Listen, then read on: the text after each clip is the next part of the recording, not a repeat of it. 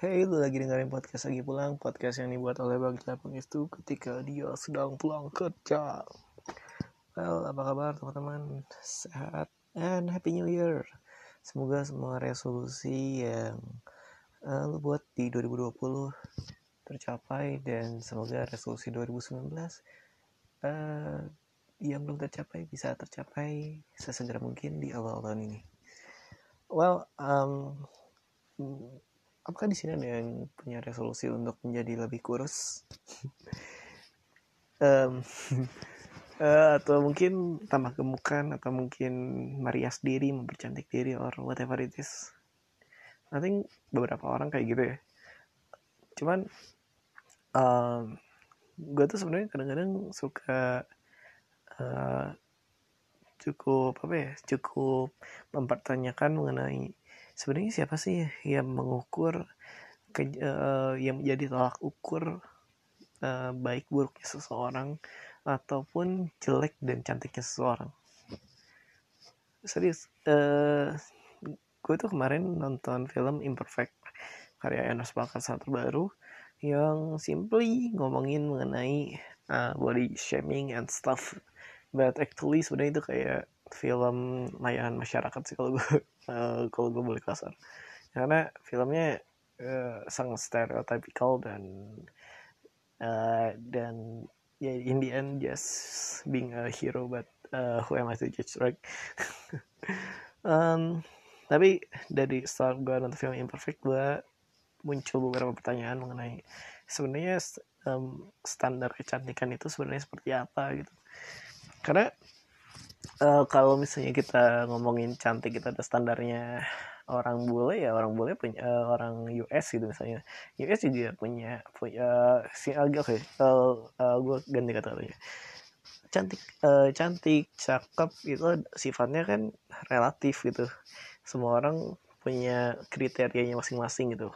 Orang yang dia sebut cantik orang yang dia sebut dia dia sebut jelek dan sebagainya uh, sehingga menurut gue ketika nonton film Imperfect tuh kayak gue ngerasa kesal sendiri sejujurnya. Nah I mean uh, gue ngeliat Megan Trainer Megan Trainer tuh uh, berbadan gemuk and he she pretty cute right? Gitu. Jadi dan gue tuh kayak ngerasa men kenapa lo harus ngerubah diri lo se, uh, harus diet dan sebagainya uh, untuk untuk dianggap cantik gitu uh, di film imperfect seperti itu.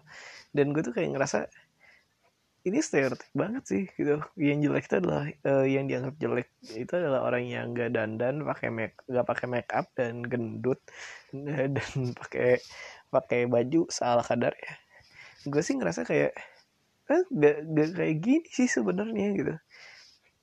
Uh, dan, dan itu yang ngebuat gue kesel sih ketika gue nonton film imperfect kayak ya kenapa harus objeknya gendut gitu?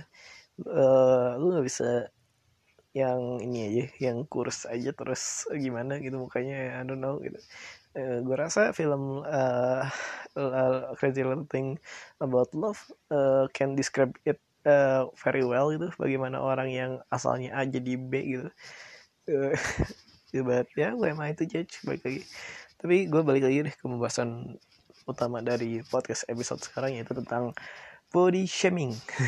Atau uh, tolak ukur dari jelek dan cantiknya seseorang. Dan selalu yang jadi permasalahan sebenarnya adalah siapa sih yang berhak menilai?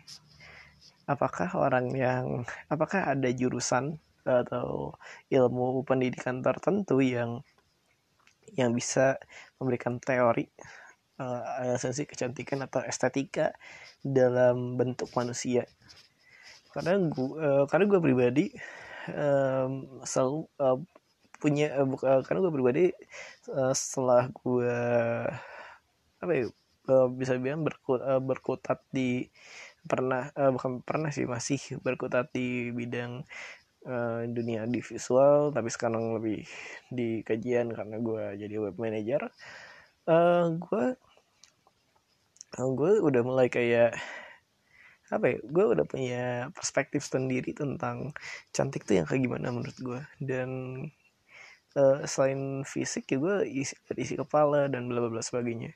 And I'm pretty pissed about uh, apa ya kayak gue gue pribadi kayak gue nggak uh, gue justru malah punya sudut pandang lain ketika gue ngeliat orang yang uh, menurut menurut gue cantik gitu. Tapi cantik ini bukan cantik yang ngebuat gue pengen pacarin dia atau sejenisnya. Tapi cantik yang buat gue kayak ngerasa men gue lebih pengen dia uh, di depan kamera gue dan gue foto atau gue rekam gitu. Uh, being an a model and stuff gitu. Dibandingkan dibandingkan gue meminta dia jadi apa ya uh, asking her to be my girlfriend. Ya mungkin itu jadi prestasi ya bawa cewek cantik ke tongkrongan but ya gue pernah bahas uh, cewek sebagai trofi jadi gue nggak mungkin ngejilat udah udah gue sendiri. Um, tapi gue tuh kadang uh, tapi gue nggak uh, gak bisa pikir gitu dengan dengan bagaimana ada uh, pengkubuhan lu nggak gak sih kalau misalnya di sekolahan atau lu sekolah gitu atau lu kuliah sekolah gitu? Lu pernah gak sih uh, perhatiin kalau misalnya geng-geng cantik itu jalan main nongkrong dan bla bla biasanya hanya dengan geng yang cantik dan yang jelek tuh hanya dengan geng yang jelek dan biasanya yang vokal yang berisik yang gak ada otaknya tuh adalah geng yang cantik. Anjing gue kasar banget ya. Tapi bener gitu gue uh, gue nggak bohong gitu kayak karena gue uh, gue plenty much gitu ketika gue SMP gitu gue punya teman yang uh, gue tuh ada, ada ada dua teman gue uh, kenalan sih gue uh, uh, uh, politically right gitu politically right uh, ada dua teman gue yang bisa dibilang uh, beda dari sekolah di SMP yang duduk di depan gue. Ini kayak FTV ya dia duduk di depan aku dan aku uh, jatuhin buku. Anjing. Uh, gue gue tuh kayak gue kan ada dua cewek nih di depan gue dan dan gue tuh uh, dan gue sebagai anak SMP yang waktu itu tidak mengerti apa pun gue kan merhatiin dia dan semenjak saat itu uh, gue uh, dengan sangat sadar gue mikir kayak ini anjing nih uh, nih orang cakep uh, cakep uh, menang cakep doang otaknya kosong ya gitu. Seri uh, dan dia pada saat itu kayak gue nggak nggak mungkin ngomong gitu karena gue anak baru kan. Jadi kayak cuy gue ngeliat orang cewek kayak uh, cewek kayak gini. Ya, ya cakep sih cuman kayak men lu lu mau pacaran sama dia? Lu pacaran cinta atau sange? Gitu. Itu kayak gue kayak kadang mempertanyakan itu gitu. Uh, dan uh, dan kadang-kadang tuh gue uh, ketika dan mungkin itu akhirnya ke bawah sampai sekarang ya ketika gue ngelihat cewek cakep dengan dengan some kind of uh, looks and uh, something that that she were or some uh, a topic that hit uh, uh, she talk gitu kadang-kadang gue kayak tahu aja gitu bahwa ini orang tuh nggak eh kayaknya gue nggak ingin deh ada uh, hidup bersama dengan orang seperti ini. Uh, karena karena I think gue akan lebih gak uh, lebih suka bawa kamera gue uh, dan ngefotoin dia dibandingkan ngabisin waktu gue ngobrol berdua di cafe or some somewhere place gitu sama orang ini yeah, I think uh, I'm pretty easy disgusted people seperti updatean gue di IG story sih. I hate everyone fuck you. Um, dan ya tapi gue balik lagi ke uh, topik yang um, tapi sebenarnya sebenarnya sih kelompok cantik dan kelompok jelek ini siapa yang nentuin dan kenapa itu bisa terjadi gitu? I mean like uh, apakah si cewek-cewek yang di geng cantiknya gak, gak punya inisiasi untuk ajak cewek yang dalam lingkaran itu untuk gabung sama mereka? Uh, honestly speaking ya maksud gue kayak harusnya kan mereka ngerasa juga ya kalau mereka tuh kubu-kubuan. Dan kenapa sih mereka nggak coba untuk uh, gabung sama mereka main sama mereka dan sebagainya? Kayak I think you will get uh, get uh, another point of view yang ngebuat lo menjadi lebih baik gitu. Uh, bukan menjadi lebih baik lagi ya maksudnya ya ya tentu lebih baik lagi karena lu punya banyak referensi kan. Uh, tapi ketika ketika gue ngeliat kayak uh, ketika SMA itu ber, uh, itu hal itu ternyata berjalan hingga sampai lulus SMA gue mikir kayak ini cuma perbedaan perbedaannya cuma dua. Simpel antara, antara ini orang yang cantik uh, otaknya biasa aja dan uh, skandal aja gede gitu. Dan orang-orang jelek ini uh, orang-orang yang dalam grup yang dikerdilkan atau dimanfinalkan gue nggak ingin pakai grup jelek ya. Ini adalah uh, hanya sekumpulan orang-orang yang uh, hadir dan tidaknya uh, sangat ini uh, hadir dan tidaknya itu benar-benar apa ya kayak kayak ada untuk bertahan hingga lulus aja gitu.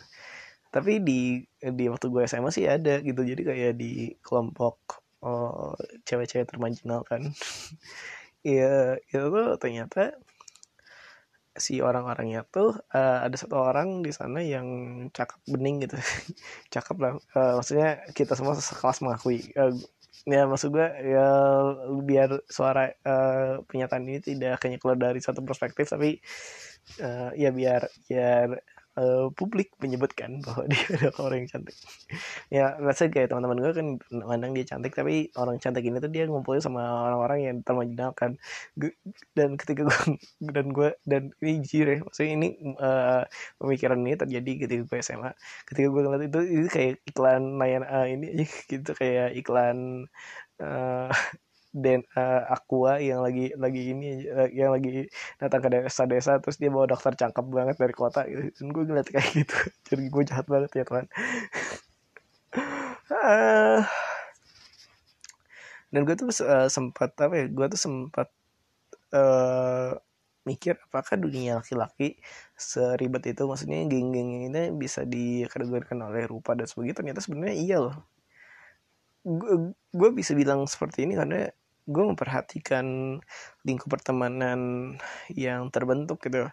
Ketika kuliah ketika gue sekolah ketika kerja sih enggak sih. Kalau kerja enggak um, mungkin lebih kayak apa yang gue lihat ya sehari-hari.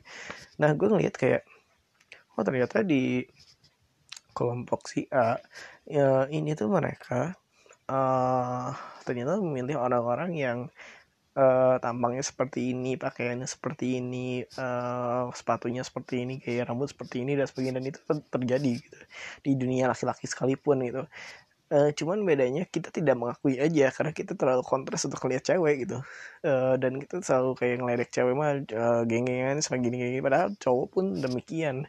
Uh, kenapa gue sadar ini? Karena gue sadar ketika ketika gue um, ketika gue sekolah tuh uh, ketika gue sekolah SMP uh, ketika gue mengingat lagi masa sekolah SMP itu tuh ada ternyata ada separatisme itu gitu. Uh, perbedaan kelompok uh, kelompok-kelompok yang berbeda berdasarkan uh, pertama dari segi rupa pakai uh, hal yang menempel di badannya terus uh, kegemaran dan sebagainya.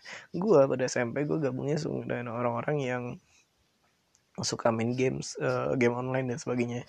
Even ya yeah, I'm noob gitu but uh, uh, enjoy with them. Uh, tapi gue sadar gitu pada saat itu tuh ada beberapa kelompok di sana dan itu sangat kontras dari mulai segi penampilan, eksi uh, popularitas dan sebagainya.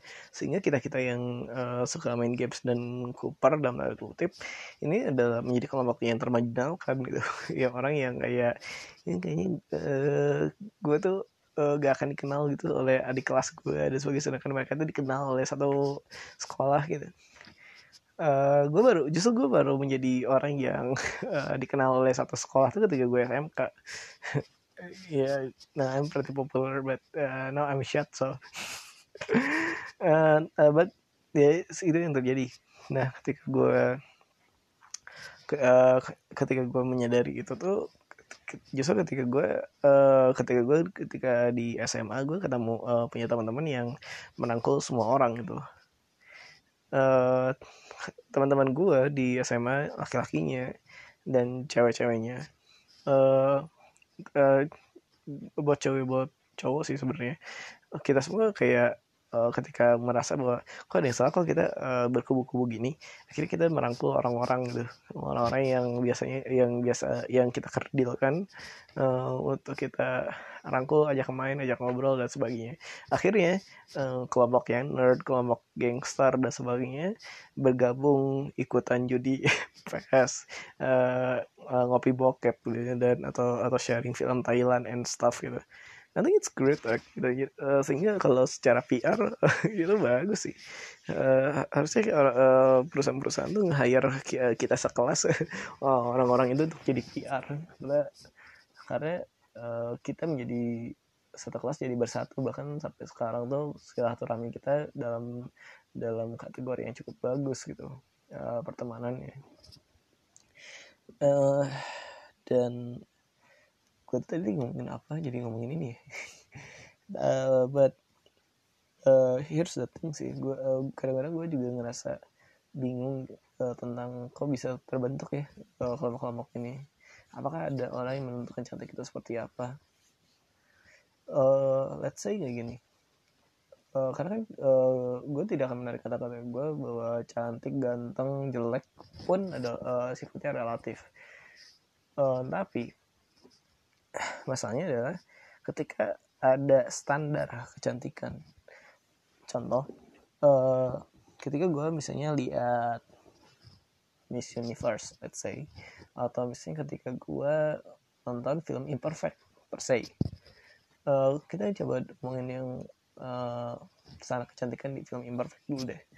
Dan di film Imperfect tuh lo akan melihat bahwa standar cantik itu adalah uh, kurus terus uh, kurus langsing bisa dandan bisa uh, make upnya tebel banget. Ini gue gue sumpah sebel banget gue ngeliat ngeliat cewek yang dianggap cantik banget di di film Imperfect sumpah. Uh, terus uh, uh, terus dia uh, dia datang ke tempat-tempat tempat-tempat fancy dan bla bla sebagainya.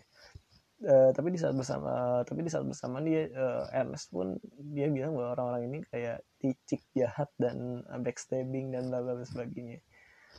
Uh, dan di sisi itu tuh gue, ngebuat gue ngerasa ini uh, ini sangat stereotip sih. Karena pada kenyataan sebenarnya orang-orang yang cakep ini tuh uh, it's not just backstabbing it's not just a cruel uh, but he's also uh, they they are also evil either. Dan ini nggak hanya berlaku pada cewek juga cowok juga demikian bahwa orang-orang yang punya tampang uh, let's say dia memanfaatkan tampangannya uh, tampangnya untuk do, being dominate gitu. Being uh, uh, being dominate uh, get apa ya? Uh, get everything that he, they he want uh, she want they want in this case.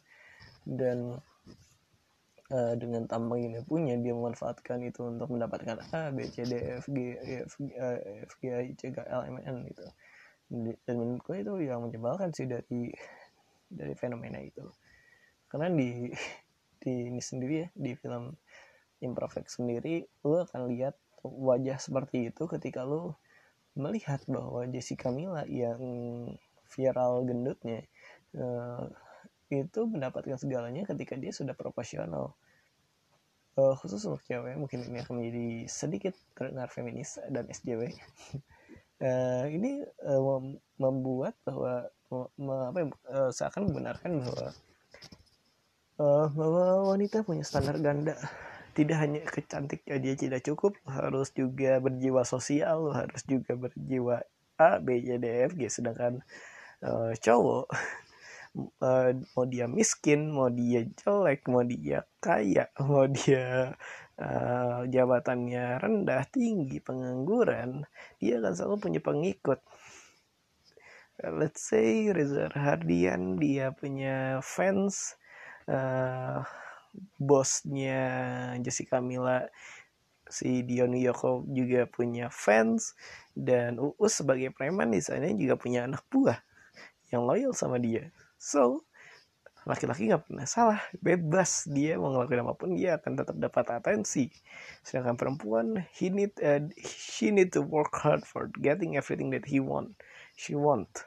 Dan dia harus ngerombak diri dia, dia harus down dan dia harus ini, dia harus itu, dia harus ngerasa sakit dan sebagainya. I think it's not fair uh, for some reason. Karena menurut gue kalau misalnya Uh, karena film ini sangat stereotipikal dan hanya mentitik balikan pada perempuan sedangkan kan itu hanya terjadi pada perempuan dan, uh, dan seakan-akan apa yang terjadi itu hanya hanya dari kebiasaan aja padahal ketika gue gitu sebagai laki-laki dan punya berbagai macam jenis teman gue sadar bahwa men itu tuh nggak hanya gini loh cowok tuh juga sama kompleksnya gitu lo tuh tahu uh, ada pertemanan yang kayak gini kayak gitu yang yang kayak gitu yang kayak gini uh, gini gitu dan dan hal-hal itu tidak dipahami karena kita merasa cowok ya everything uh, can be done dan sebagainya I think it's barbaric gitu karena lo uh, berarti tidak menyadari bahwa ada juga gitu hal-hal yang dirasa uh, ada perjuangan yang lo lakukan agar bisa masuk lingkaran pertemanan si A, si B, si C, si D, si F gitu. Uh, yang gue sadar tuh ketika gue uh, ini ya ketika gue SMA uh, jadi kalau lo mau masuk ke pergaulan anak-anak geng lu tuh seenggaknya harus berani minum lu harus berani bawa motor mabal dan sebagainya. Lu harus mulai uh, apa ya menghabiskan waktu setelah lu sekolah dengan baru dak lu gitu atau teman-teman lu dan sebagainya. Sedangkan kalau gak mau eh, kalau misalnya lu menjadi orang yang tidak dikenali lagi di sekolah lu harus um, ya, lu harus ija uh, sekolah pulang sekolah pulang gitu. Uh, dan di sana tuh dan beda dan di sini kenapa gue cerita ini kenapa ini dengan kompleks? Karena kompleks ke depan uh, karena lihat ke depannya gitu. Ke depannya tuh ketika lu tidak melakukan relasi pada uh, tidak menjalin relasi dengan baik atau bersosialisasi dengan baik dengan teman-teman lu uh, nongkrong dengan teman-teman lu mabuk dengan teman-teman lu ngerokok bareng dengan teman-teman lu Uh, nanti ketika lu lulus lu akan kehilangan teman itu lagi dan lu akan kehilangan opportunity opportunity lain yang buat lu jadi A gak bisa jadi A gak bisa jadi B gak bisa jadi C dan bla bla sebagainya. Dan nanti it sucks itu gitu. Uh, bahkan sebagai cowok juga lo kayak uh, seenggaknya lo juga punya standar lain tentang uh, ketampanan kekayaan jabatan. Apalagi kalau uh, di Indonesia tuh bahwa ketika ketika kita ngomongin laki-laki ya kita nggak hanya ngomongin tampang aja. Kita juga ngomongin tentang penghasilan kita juga ngomongin tentang uh, apa ya, penghasilan jabatan juga gitu. Uh, dan apakah itu standar ganda? Bagi gue iya dong karena kita laki-laki dituntut untuk berjiwa yang baik tapi dengan penghasilan yang baik juga gitu. Uh, dengan pekerjaan ini yang baik. Re itu realistis ya karena pekerjaan penghasilan itu yang menghidupi lah cuman still itu juga standar ganda. Masa cowok yang berkualitas high quality man adalah orang yang kayak gitu. Bagaimana dengan orang-orang yang berjuang? Uh, tapi punya kekurangan di AB di di di, di apakah dia tidak ngapu quality man juga? Uh, dan tidak layak mendapatkan kesempatan ini itu ini itu. I think it's not fair either. So ya yeah, begitulah tentang body shaming dan kadang-kadang gue juga keganggu sama sama istilah body shaming karena batasannya kayak gimana sih? Body shaming dan tidak apakah ngeledek fisik yang ngeledek fisik uh, mengejek fisik selalu disebut body shaming?